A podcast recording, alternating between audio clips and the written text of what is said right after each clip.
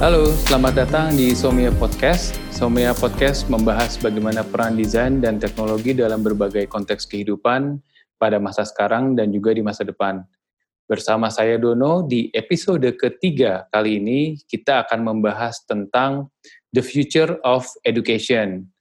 Nah, di episode ketiga ini kita sudah ditemani oleh Mateus. Mateus adalah salah satu dari senior consultant di Somia ya, dan dia juga adalah seorang interaction designer. Halo Yus. Halo Don.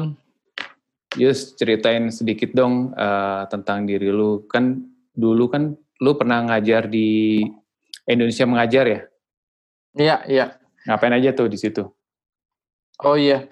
Oleh semuanya salam kenal, nama gue Mateus, uh, senior consultant di Somia dan benar kata Dono, sekitar tahun 2015 selama satu tahun pernah bergabung di Indonesia mengajar. Waktu itu di assign ke Rotendao, uh, jadi guru kelas 3 SD di sebuah SD swasta di daerah tersebut. Jadi intinya sih uh, kita kan disebutnya pengajar muda. Jadi memang uh, tugas utamanya uh, buat jadi guru pengganti atau guru pembantu di situ. Uh, gue dulu ngajar kelas 3 dan ya karena gurunya gurunya kurang ya, gue uh, akhirnya nyerempet-nyerempet bantu ngajar di kelas lain juga. Kira-kira hmm. kayak gitulah. Itu di mana tadi? Pulau apa? Pulau Rote? Iya, di Kabupaten Rotendao, di Pulau Rotenya. Jadi memang di titik terselatan Indonesia. Cie. Wah, itu Pulau Rote itu kalau geografi gue masih benar, berarti di bawahnya Ambon, bener nggak? Beda dong. Agak lah. Di bawah ini, di bawah, di bawah Pulau Timor, Kupang tuh. Oh, di bawahnya Kupang. Iya. Oke, oke. Oh, parah banget gue. Oke, um, berapa lama Yus di sana Yus? Gue setahun tuh, setahun benar-benar satu tahun satu tahun pelajaran sih. Hmm, hmm, hmm, hmm. Mulai okay. bulan Juni sampai Juni juga hmm. tahun depannya. Jadi waktu itu lu ngajar ke murid-murid kelas 3 SD ya? Ya. Ada berapa tuh satu kelas? Gue dulu satu kelas itu ada 22 orang, 12 cowok, 10 cewek. Hmm, oke. Okay. Top tuh. Itu kondisi kelasnya atau sekolahnya kayak gimana tuh? Soalnya yang kebayang sama gue dan juga mungkin yang ngedengar kan sekolah kan ada ruangan kelas, ada bangku, terus ada ubin, ada papan tulis gitu. Nah, kalau di sana gimana tuh? Nah, surprisingly ya, sebenarnya kalau ketika kita bicara sekolah-sekolah di NTT gitu, Timor gitu kan, image-nya itu kan sekolah-sekolahnya yang wah dari kayu atau bocor apa segala macam gitu kan. Nah, untungnya sekolah gua itu memang udah cukup bagus secara bangunan. Bagus dalam artian ya udah udah udah ini udah semen kayak gitu. Ruangannya juga cukup. Walaupun sebenarnya jendelanya nggak bisa ditutup gitu ya. Jendela nggak bisa ditutup terus kayak pintu nggak bisa ditutup. Tapi kayak at least ada pintunya lah gitu. Nah, jadi secara bangunan fisik juga bagus. Terus uh, karena memang kita sekolahnya sekolah terluar, jadi memang banyak uh, sumbangan-sumbangan alat-alat peraga, sumbangan-sumbangan buku gitu. Jadi udah ada perpustakaannya tuh walau kecil lah ya, sebesar mungkin tiga kali tiga atau tiga kali empat gitulah. Nah memang agak agak kecil, tapi cukup cukup bagus buku-bukunya. Cuman sekali lagi kondisi uh, sekolahnya itu nggak ditunjang sama memang guru-guru yang uh, pertama dari segi jumlah juga dikit banget jadi ada enam kelas, ada enam rombongan belajar, gurunya cuma empat, ikut kepala sekolah dan ikut gua dong. Jadi ada dua kelas yang gak ada gurunya. Jadi itu tadi yang ya kita harus ganti-gantian juga lah ke uh, kelas empat tuh nggak ada gurunya, kelas uh, juga nggak ada gurunya kayak gitu. Jadi ya uh, hmm. jadi kalau dibilang kelas rangkap sih, jadi kayak saling bantu aja. Oh jadi kalau bicarain ketimpangan tuh lebih ke timpang di resource ya, bukan nggak melulu tentang infrastruktur gitu ya? Benar, benar. Jadi memang eh, ketimpangan guru kalau kita bicara secara Indonesia kan banyak bilang tuh wah guru wah guru oh, kita tuh gajinya kecil-kecil apa terus kayak nggak diapresiasi sebenarnya karena banyakkan guru itu numpuknya di kota kayak di Pulau Jawa gitu itu banyak banget guru kan Tapi sebenarnya Hmm. kalau di daerah itu itu dikit banget. Karena pertama ya orang-orang yang sendiri, orang-orang di daerah itu sendiri kan jarang yang jadi guru kan. Otomatis supply guru kurang. Sementara orang-orang luar tuh males ke situ karena ya kesannya terpencil segala macam gitu. Jadi lebih bener kayak lo bilang lebih ke resource, bukan ke infrastruktur, bukan ke bukunya kayak gitu gitu sih. Hmm, oke. Em, kalau bicarain teknologi gitu ya, kalau di kota kan mungkin alat penunjang belajarnya tuh udah lebih canggih, mungkin udah pakai ada infokusnya mungkin gitu, terus udah ya mungkin whiteboard, terus jadwal juga udah pakai eh, online semua. Kalau di sana gimana Yus? Waktu itu mungkin ini eh, konteksnya empat tahun lalu ya, jadi eh, gue sekarang nggak nggak terlalu ngikutin lagi. Tapi dulu memang eh, masih sangat konvensional sih. Jadi memang eh, ya boro-boro lain fokus ya. Kita memang eh, masih sangat klasik lah ya harus ngajar, papan tulis dan segala macam. Tapi sebenarnya concernnya bukan bukan di di situnya sih, lebih ke kemampuan belajar anaknya sendiri. Kayak kalau sebagai contoh, dulu di sekolah gue itu bahkan ada anak yang lulus kelas 6 SD itu masih belum bisa belajar, belum bisa baca gitu loh. Kayak di kelas gue, gue kelas 3 SD, itu ketika gue masuk ya, di, ini kan awal kelas 3 SD, yang bisa baca itu cuma 6 dari 22 gitu. Nah, sementara kan kurikulum anak kelas 3 SD itu bukan lagi belajar baca kan sebenarnya. Hmm. Nah, jadi challenge-nya itu benar-benar di situ.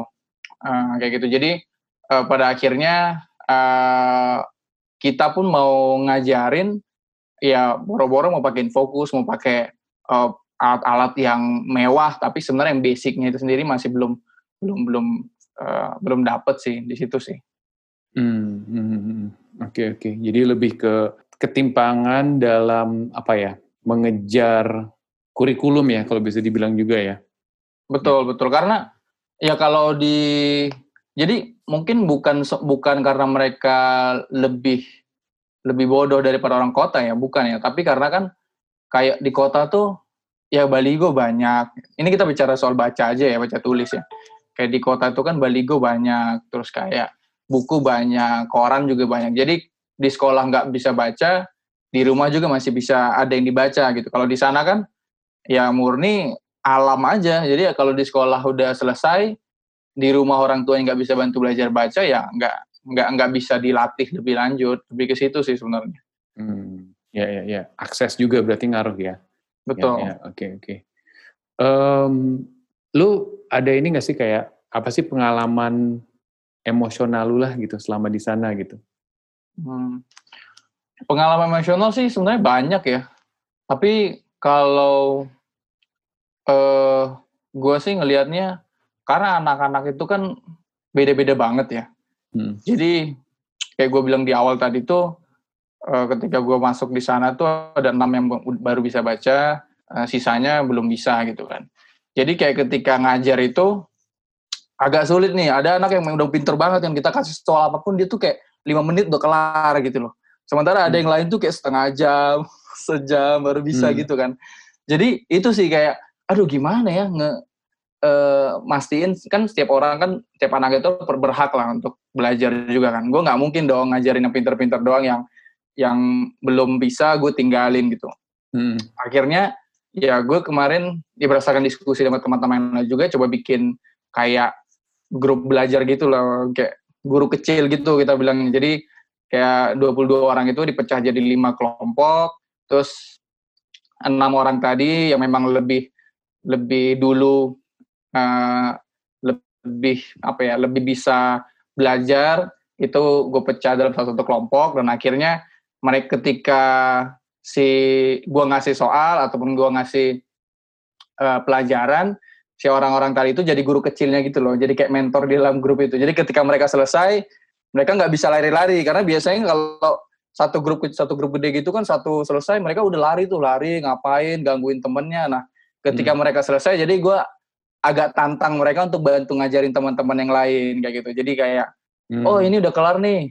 Ya udah silakan ya bantu temannya ya. Nanti dia akhirnya ngobrol sama temannya dikasih tahu diajarin gitu tapi bilang nggak tapi nggak boleh kasih tahu jawaban ya kayak gitu gitu jadi itu sih jadi jadi yang gue lihat adalah anak-anak itu juga punya kalau ketika dikasih kepercayaan mereka juga punya awareness untuk oh ngebantu teman lo kayak gitu loh. Hmm. Jadi nggak yang benar-benar cuek banget kayak gitu. Hmm. Jadi ada itu kepedulian sih. juga sebenarnya dari mereka gitu ya. Betul, gitu. betul. Oke. Okay. Um, Oke, mungkin kalau bahas sekarang itu kan lu dulu empat tahun yang lalu ya. Kalau sekarang kan dengan ya ada pandemi, ada COVID segini, kalau menurut lu apa sih nih yang berubah gitu? Gue jadi penasaran sih apakah di daerah terluar Indonesia seperti Pulau Rote itu cara pengajarannya tetap sama atau apa nih? Mungkin ada desain atau teknologi intervention yang dilakukan di sana gitu. Lu ada info nggak? Nah itu jujur challenging banget sih Don, karena kan memang di daerah gue itu sebagai konteks tahun 2016 itu belum ada sinyal sama sekali Don. Jadi sinyal hmm. itu baru masuk, uh, listrik udah masuk, tapi sinyal itu baru masuk sekitar 2018. Nah gitu. Jadi dan belakangan kan sempat dapat info juga sama teman-teman yang di sana, uh, karena kan sekarang itu dari pemerintah sendiri bilang, oh pembelajaran jarak jauh segala macam jadi itu sangat jadi sangat challenge sendiri. Jadi yang terjadi sekarang itu adalah ya udah eh, kayak misal di SMP gitu kan, dekat eh, dekat SD gue juga di situ ada SMP kan. Jadi SMP itu ya karena memang sinyal udah ada, akhirnya cuma dikasih ini aja, oh eh, hari ini belajar dari halaman segini ya, kayak gitu. Kayak gurunya nge-WhatsApp atau gurunya tuh nge-SMS gitu. Nah, habis itu selesai kayak gitu. Nah, itu sih yang challenging sekarang gitu. Tapi gue juga sempat baca juga uh, di daerah lain, bukan di Rote, di Sumbawa. Mungkin uh, lo udah pernah dengar juga atau teman-teman yang udah dengar. Jadi di Sumbawa itu mereka pakai uh, ya mereka gue nggak ngerti teknisnya tapi sama mereka ngekonekin radio dengan handy talkie don itu keren banget jadi memang ya walaupun tetap nggak ada tatap muka ya tapi kayak tetap ada interaksi antara guru dan muridnya gitu loh jadi gurunya hmm. bilang oh ya kita sekarang belajar contoh ya misalnya biologi nah biologi itu gini gini gini atau pernafasan tuh seperti ini nanti kan ketika dia selesai ganti nanti ada murid yang bisa nanya nih ibu ini maksudnya apa ya gitu jadi tetap ada diskusi dan dan itu kan sangat sangat apa ya murah ya ketimbang anak-anak harus uh, pakai uh, kuota terus hmm. harus dia buka YouTube harus punya hmm. handphone sendiri kayak gitu hmm. itu menurut gua keren banget sih gitu. Hmm. Iya, iya, iya, karena penetrasi teknologi kan di sana juga belum semasif di kota gitu ya. Jadi nggak bisa ngarapin setiap dari mereka udah ada handphone atau bahkan orang tuanya juga udah punya atau belum gitu ya. Jadi pakai apa ya low cost teknologi kali ya. iya betul. Jadi ya itu sih uh, itu hal-hal yang kadang kita di kota itu nggak pernah mikirin kan. Kayak kita mikir oh ya udah internet tuh udah gampang uh, orang tinggal di rumah gitu tapi ya uh, masih banyak banget uh, ya kayak tadi nggak cuma di soal infrastruktur tapi juga soal gurunya juga yang belum tahu gimana nih memaksimalkan uh, teknologi kan hmm. untung udah ada yang bisa tuh beberapa hmm. hmm, hmm, hmm. ya ya oke kalau tadi kan lebih ke pendidikan pendidikan dasar ya kalau pendidikan tinggi lu ngelihat nggak apa sih yang apa sih yang berbeda gitu kalau perguruan tinggi mungkin ya jadi mungkin sedikit lebih mudah ya ya walaupun uh, tetap ada tantangan juga cuman kayaknya bakal sedikit lebih mudah karena uh, pasti uh, ownership terhadap uh, platform ataupun tools-tools yang untuk uh, pembelajaran jarak jauh itu lebih lebih lebih banyak gitu. Nah, hmm. jadi yang sekarang terjadi kan uh, orang itu jadi lebih sedikit, sedikit terbuka kan kayak dosen-dosen juga yang dulunya kayak memang tanda kutipnya katro banget gitu. Sekarang lebih terbuka soal uh, ya online learning kayak gitu. Nah hmm. kalau menurut tapi kalau menurut lu gimana tuh kalau soal itu? Ya kebetulan istri gue kan dosen ya. Jadi gue bisa ngelihat uh, apa ya sehari harinya dia tuh gimana sih dalam menjalankan uh, proses uh, belajar mengajarnya. Jadi dia banyak pakai ini uh, toolsnya itu banyak pakai Google Classroom sih yang gue tahu itu. Jadi hmm. di Google Classroom itu dia uh, taruh materi kuliahnya, dia upload ke situ, terus uh, di Google Classroom itu kayak ada semacam notification boardnya gitulah. Jadi dia bisa ngasih tahu, eh ini ya bahan untuk uh, kuliah uh, besok misalkan gitu. Dibaca dulu, terus uh, nanti pas uh, besok kita bisa adain kuis misalkan gitu. Jadi dia bisa ada interaksinya di situ. Nah, yang menarik sebenarnya waktu ujian gitu. Jadi biasanya kan kalau ujian kan dalam satu kelas terus ada pengawasnya kan diawasin gitu. Nah, karena pandemi ini kan semuanya kan pada di rumah. Akhirnya ujiannya juga ujian online. Uh, pakai ini, uh, pakai Google Classroom juga sama pakai Google Form. oh. Yang paling mudahnya jadi um, soal-soalnya itu dibikin di Google Form Nah, untuk memastikan supaya si anak-anaknya itu satu sama lainnya itu nggak nyontek gitu ya, kan bisa aja kan mereka mungkin WA-an, eh jawaban nomor satu sampai ini berapa gitu. Jadi ternyata di Google Form itu ada semacam fitur untuk mengacak soal sama mengacak jawaban gitu. Oh. Gitu. Terus ada time limitnya juga di Google Form ini ketika di set oke okay, mulai jam 10 pagi misalkan.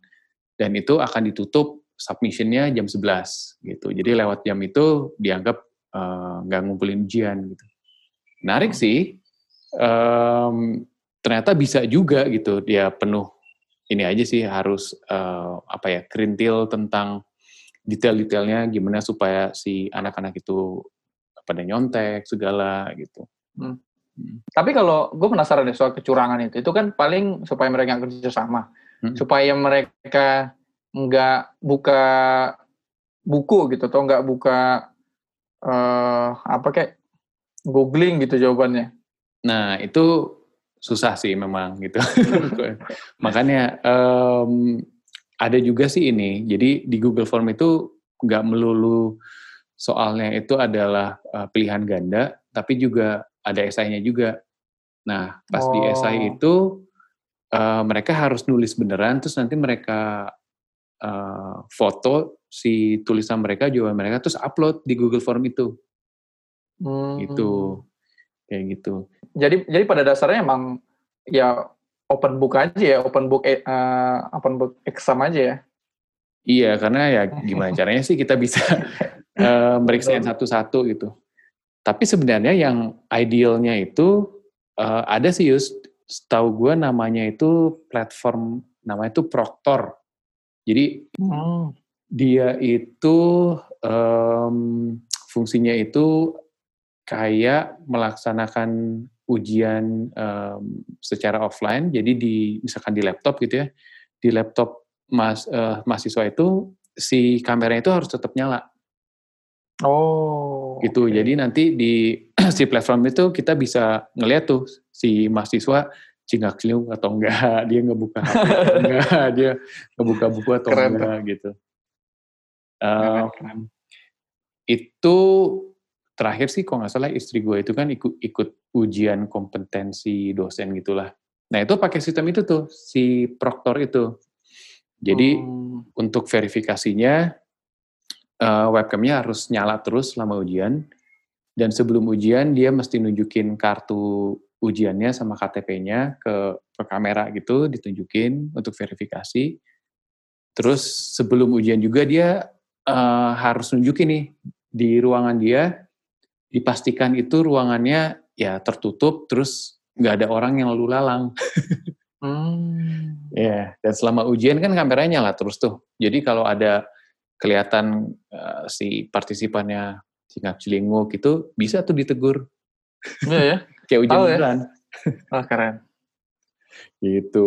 Ya itu sih kalau mungkin ya. Kalau uh, changes yang gue lihat di perguruan tinggi uh, penggunaan desain sama teknologinya mungkin di situ. Gitu. Hmm. Tapi menurut lo nih, uh, perkembangan desain sama teknologi di edukasi ini udah sejauh apa sih, Yus? Itu menurut gue agak-agak tricky sih. Saat ini ya berarti dong. Ya? Hmm bukan hmm. masa depan kan. Hmm. Kalau saat ini sih apa ya? Mungkin nggak nggak nggak terlalu signifikan sih. Mungkin kalau kita bicara pendidikan non formal ya. Mungkin pendidikan non -for, pendidikan formal tuh menurutku gitu-gitu aja. Jadi kayak ya paling shiftingnya itu dari uh, offline ke online gitu kan. Hmm. Terus uh, gue yakin nggak terlalu banyak perubahan sih. Justru yang banyak hmm. menarik itu kan pendidikan non formal sih. Jadi kayak hmm. uh, kayak les gitu kan, kayak yang course-course yang uh, kayak misalnya kayak oh, orang mau belajar uh, coding bisa dalam tiga tiga minggu empat minggu gitu kayak kayak uh, mungkin lu pernah dengar juga ada platform di coding gitu kan gimana uh, mereka mencoba mendemokratisasi coding lah uh, ke orang-orang yang non non uh, backgroundnya non IT gitu. Hmm. Terus ya menurut gue itu jadi lebih apa ya, lebih interesting sih karena kan uh, poin-poin orang platform-platform kayak gitu ditambah kayak Coursera, Duolingo, uh, uh, Memrise itu tuh mereka benar-benar integrate uh, gamification kan dalam proses uh, pembelajarannya kan.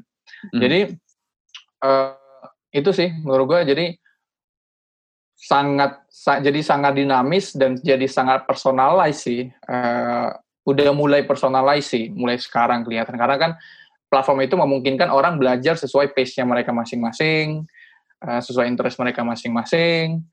Terus uh, di akhir juga kan mereka mendapatkan apresiasi. Uh, ya menurut gue di situ. Kalau untuk hmm. uh, yang konvensional, gue nggak ngelihat terlalu banyak perubahan sih, Don.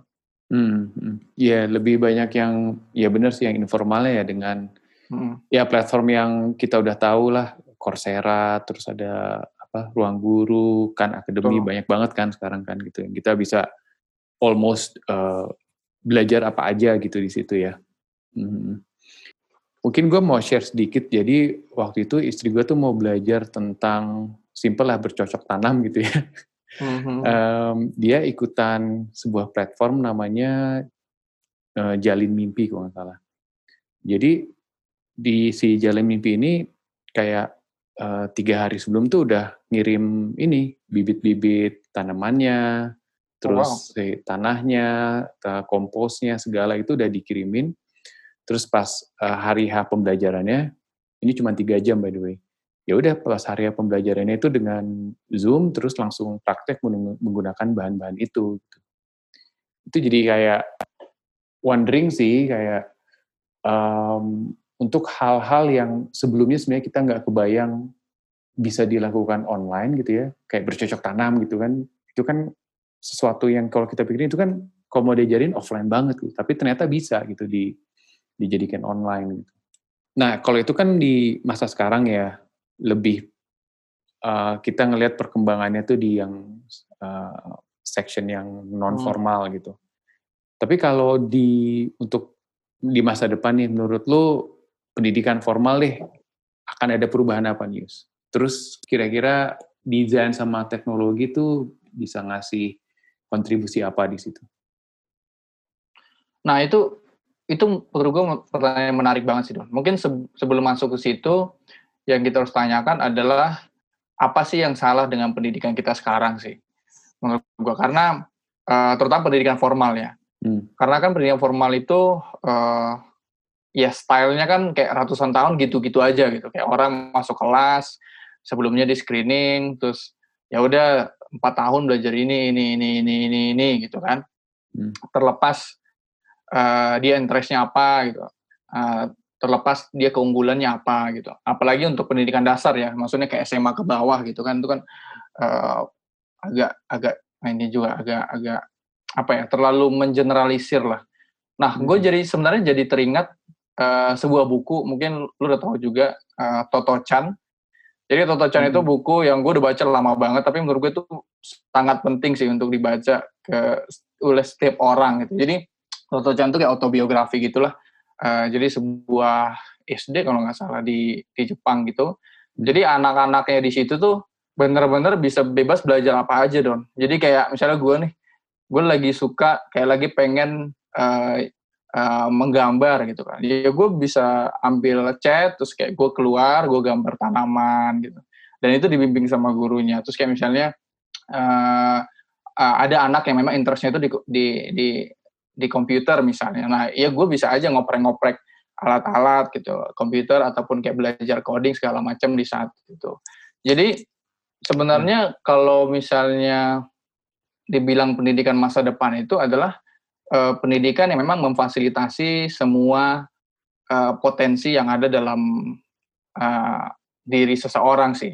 Kalau anak kan kita tahu ada teori kayak multiple intelligence kan. Jadi sebenarnya an anak itu uh, katanya sih ada delapan kecerdasan lah gitu. Ya mulai hmm. dari linguistik, uh, kecerdasan visual, kinestetik dan segala macam gitu. Nah, ke depannya pembelajaran idealnya ataupun seharusnya itu sebenarnya memfasilitasi kecerdasan-kecerdasan itu. Jadi bukan lagi kayak misalnya gue nih masuk SD, ya udah gue dari selama enam tahun itu gue belajar pokoknya matahari itu apa aja. Oh, terus abis itu hmm. belajar soal PPKN, sejarah, udah gitu aja kan. Padahal sebenarnya ya ketika orang belajar matematika gue di belakang gambar sendiri gitu, iseng gitu kan. Hmm. Nah, jadi ke depannya kalau gue lihat sih eh, semakin personalize ya eh, hmm. kalau pembelajaran itu ya karena kan awarenessnya juga semakin semakin terasa nih kan. Uh, hmm. Tapi kalau gimana? Kalau menurut lu gimana? Ya menarik sih tadi sudut pandang lu berarti um, less fabricated kali ya. Iya. Mungkin ya kalau dari uh, penjelasan lu tadi kalau sekarang kan yang kata lu udah berlangsung ratusan tahun kan murid dikumpulin dalam satu kelas terus oke okay, hari ini kita belajar geografi semua belajar geografi gitu kayak mungkin nantinya bisa lebih sistemnya modular mungkin ya jadi hmm. mungkin tetap ada jam sekolahnya tapi mereka bebas memilih kayak oh pagi kayaknya uh, eh, gue mau belajar uh, biologi deh. Ya udah dia ke kelas biologi misalkan gitu. Terus nanti siangnya mau belajar matematik deh misalkan gitu. Ya udah di situ matematik. Jadi nggak ada sebuah struktur yang baku gitu mungkin ya. Tapi gue jadi benar, wondering benar. sih Yus kalau gitu kayak um, mungkin bukan peran kurikulum ya tapi perannya guru itu sendiri tuh menurut lu gimana tuh kan mesti meng mengadapt banget nih mereka dengan uh, perkembangan zaman, terus interest anak kan juga jadi beda-beda, itu gimana? Nah, itu itu itu menarik sih Don. Jadi kalau pola pembelajaran konvensional kan, yang kayak pedagogi sekarang gitu kan, kayak satu arah gitu kan. Guru kan sebagai konten kreator kan sebenarnya kan.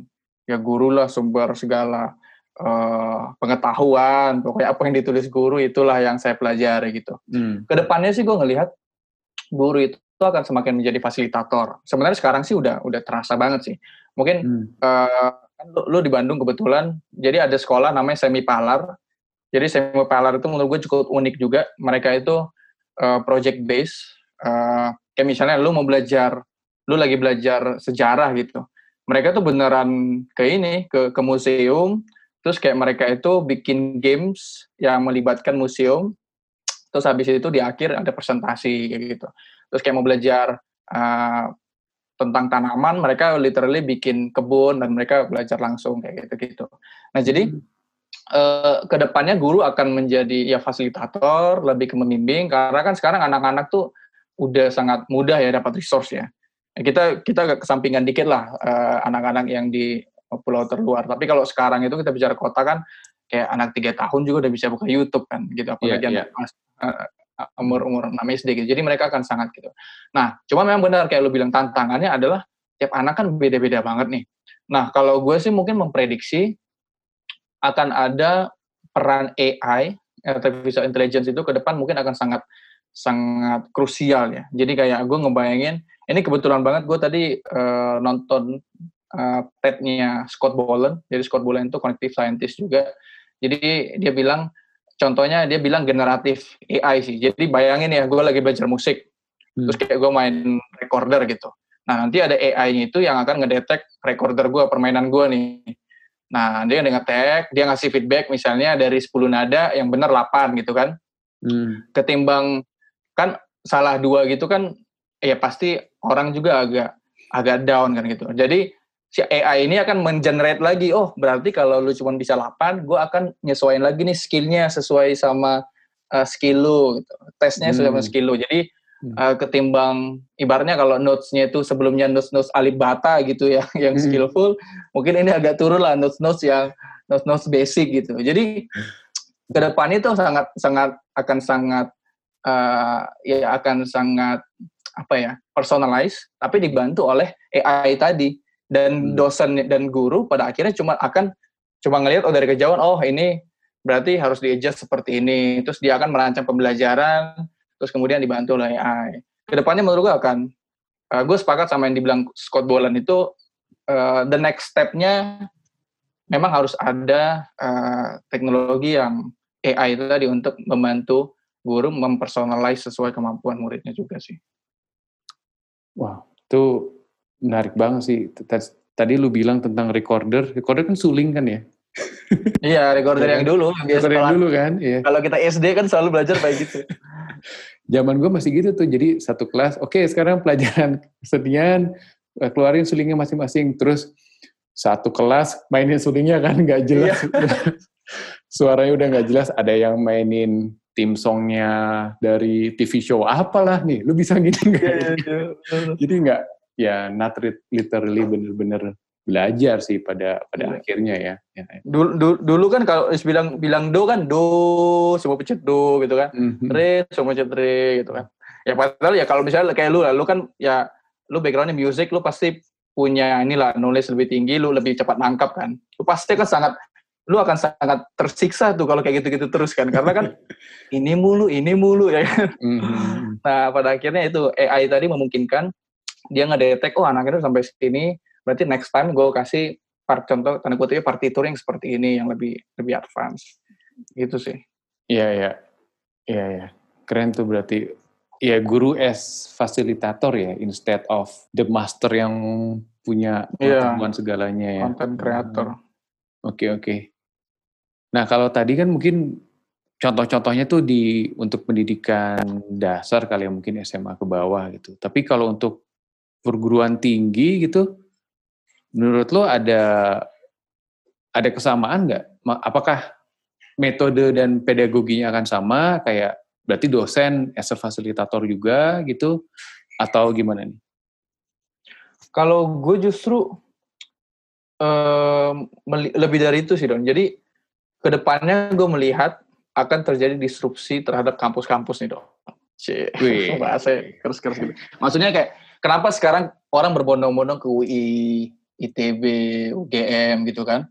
Karena kan memang mereka menganggap wah hanya hanya lewat situlah saya bisa mendapatkan sesuatu yang terbaik gitu kan. Terus hmm. dengan situ saya juga mendapatkan channel-channel untuk bisa bekerja gitu. Tapi sebenarnya sekarang kita juga udah melihat semakin banyak kayak platform-platform yang bisa menawarkan on demand learning gitu loh. Kayak contoh hmm. tadi kita sempat bahas kayak Khan Academy, Coursera gitu. Yang jadi benar-benar oh tiga bulan udah bisa dapat specialization uh, web design contohnya ataupun misalnya design thinking gitu kan. Padahal sementara ketika kita kerja uh, yang kita butuhkan sebenarnya poin-poin itu skill set itu kan, bukan hmm. yang kayak di kampus kita empat tahun benar-benar belajar dari basic apa segala macam gitu. Nah, ke depannya justru uh, kalau kampus sekarang itu nggak perguruan tinggi hati-hati, bisa jadi mereka akan uh, ketinggalan tuh karena situ karena platform-platform ini lebih tanda kutipnya lebih lebih efisien, lebih murah dan lebih konkret kan. Nah, hmm. sementara kampus-kampus lain oh, banyak juga itu lulusan-lulusan ITB, UI, UGM yang pada akhirnya nganggur tiga bulan, empat bulan gitu kan udah gitu mahal gitu ujiannya juga susah gitu di sisi lain ada platform yang lebih efisien kayak gitu ya kira-kira gitu sih don uh, tantangan apa ya pendidikan tinggi ke depannya tapi gimana menurut lo? Menurut gue sih menariknya adalah itu mungkin berhubungan sama apa ya demand dari let's say pasar gitu ya dan demand dari ya job market lah bisa dibilang. Kayak misalkan kampus sebenarnya gini, kalau gue lihat kayak kampus-kampus itu kan punya berbagai uh, fakultas dengan berbagai uh, subjek itu kan adalah untuk dipersiapkan supaya once mereka keluar dari situ mereka udah punya the necessary skills dan knowledge untuk diterapkan lah gitu ya. Cuman kan karena seperti lu bilang tadi uh, mungkin kurang agile apa segala akhirnya skill set dan knowledge-nya itu udah obsolete nih selama empat tahun gitu dan selama empat tahun ini kan apalagi zaman sekarang banyak banget yang udah banyak banget yang berubah gitu. Jadi mungkin dari job marketnya sendiri juga gimana ya kalau gue ngeliat kalau tidak ada perubahan dari demand dari job marketnya terhadap karakteristik apa yang mereka mau, mungkin kita masih dalam uh, fase yang uh, job vacancy-nya masih ada tuh kayak diharapkan S1 lulusan dari apa gitu. Tapi kalau job marketnya udah mengerti gitu bahwa oh sebenarnya yang gue butuhin adalah orang yang skill set ini ini ini, ini mungkin pengalamannya gini gini gini Nah, itu akan semakin membuka kesempatan lebih lebar tuh untuk platform-platform uh, yang lu bilang tadi gitu kan. Karena ini pertanyaannya adalah pertanyaan kredibilitas mungkin ya, uh, menurut gua gitu kan. Karena kampus kan ya established institution gitulah. Sedangkan kalau yang platform-platform tadi mungkin belum ya setua kampus-kampus tadi yang namanya dan brandnya mungkin udah ke-build udah lama banget gitu kali gue gitu sih. Nah, satu lagi Don. Menurut gue, ini soal bicara the future of education ya. Sebenarnya satu lagi poin yang menurut gue sangat, sangat menarik adalah bagaimana implementasi AR dan VR sih ke depannya. Karena uh, salah satu fungsi pembelajaran kan sebenarnya uh, ya lu bisa interact kan, lu bisa immerse kan dengan apa yang lu pelajari gitu. Kayak misalnya hmm. kayak gue gue ada tadi ada lihat video di di YouTube bentar coba gue lihat dulu ya. Jadi ada ini ada field trip to Mars. Ini nanti bisa lihat sendiri ada dari Unreal Engine. Jadi benar-benar mereka itu uh, mereka tuh murid-muridnya field trip tapi benar-benar uh, dikondisikan mereka itu benar-benar berada di Mars gitu loh. Wow, simulasi gua, gitu ya? Simulasi. Jadi menurut gue itu akan sangat exciting sih. Maksudnya kayak contoh gini ya kita bicara uh, uh, apa ya kayak misalnya kita bisa sejarah lah gitu kan. Misalnya sejarah uh, kemerdekaan. Kalau dulu kan kita belajar oh iya nanti ada penculikan Rengas Dengklok segala macam bla bla bla bla.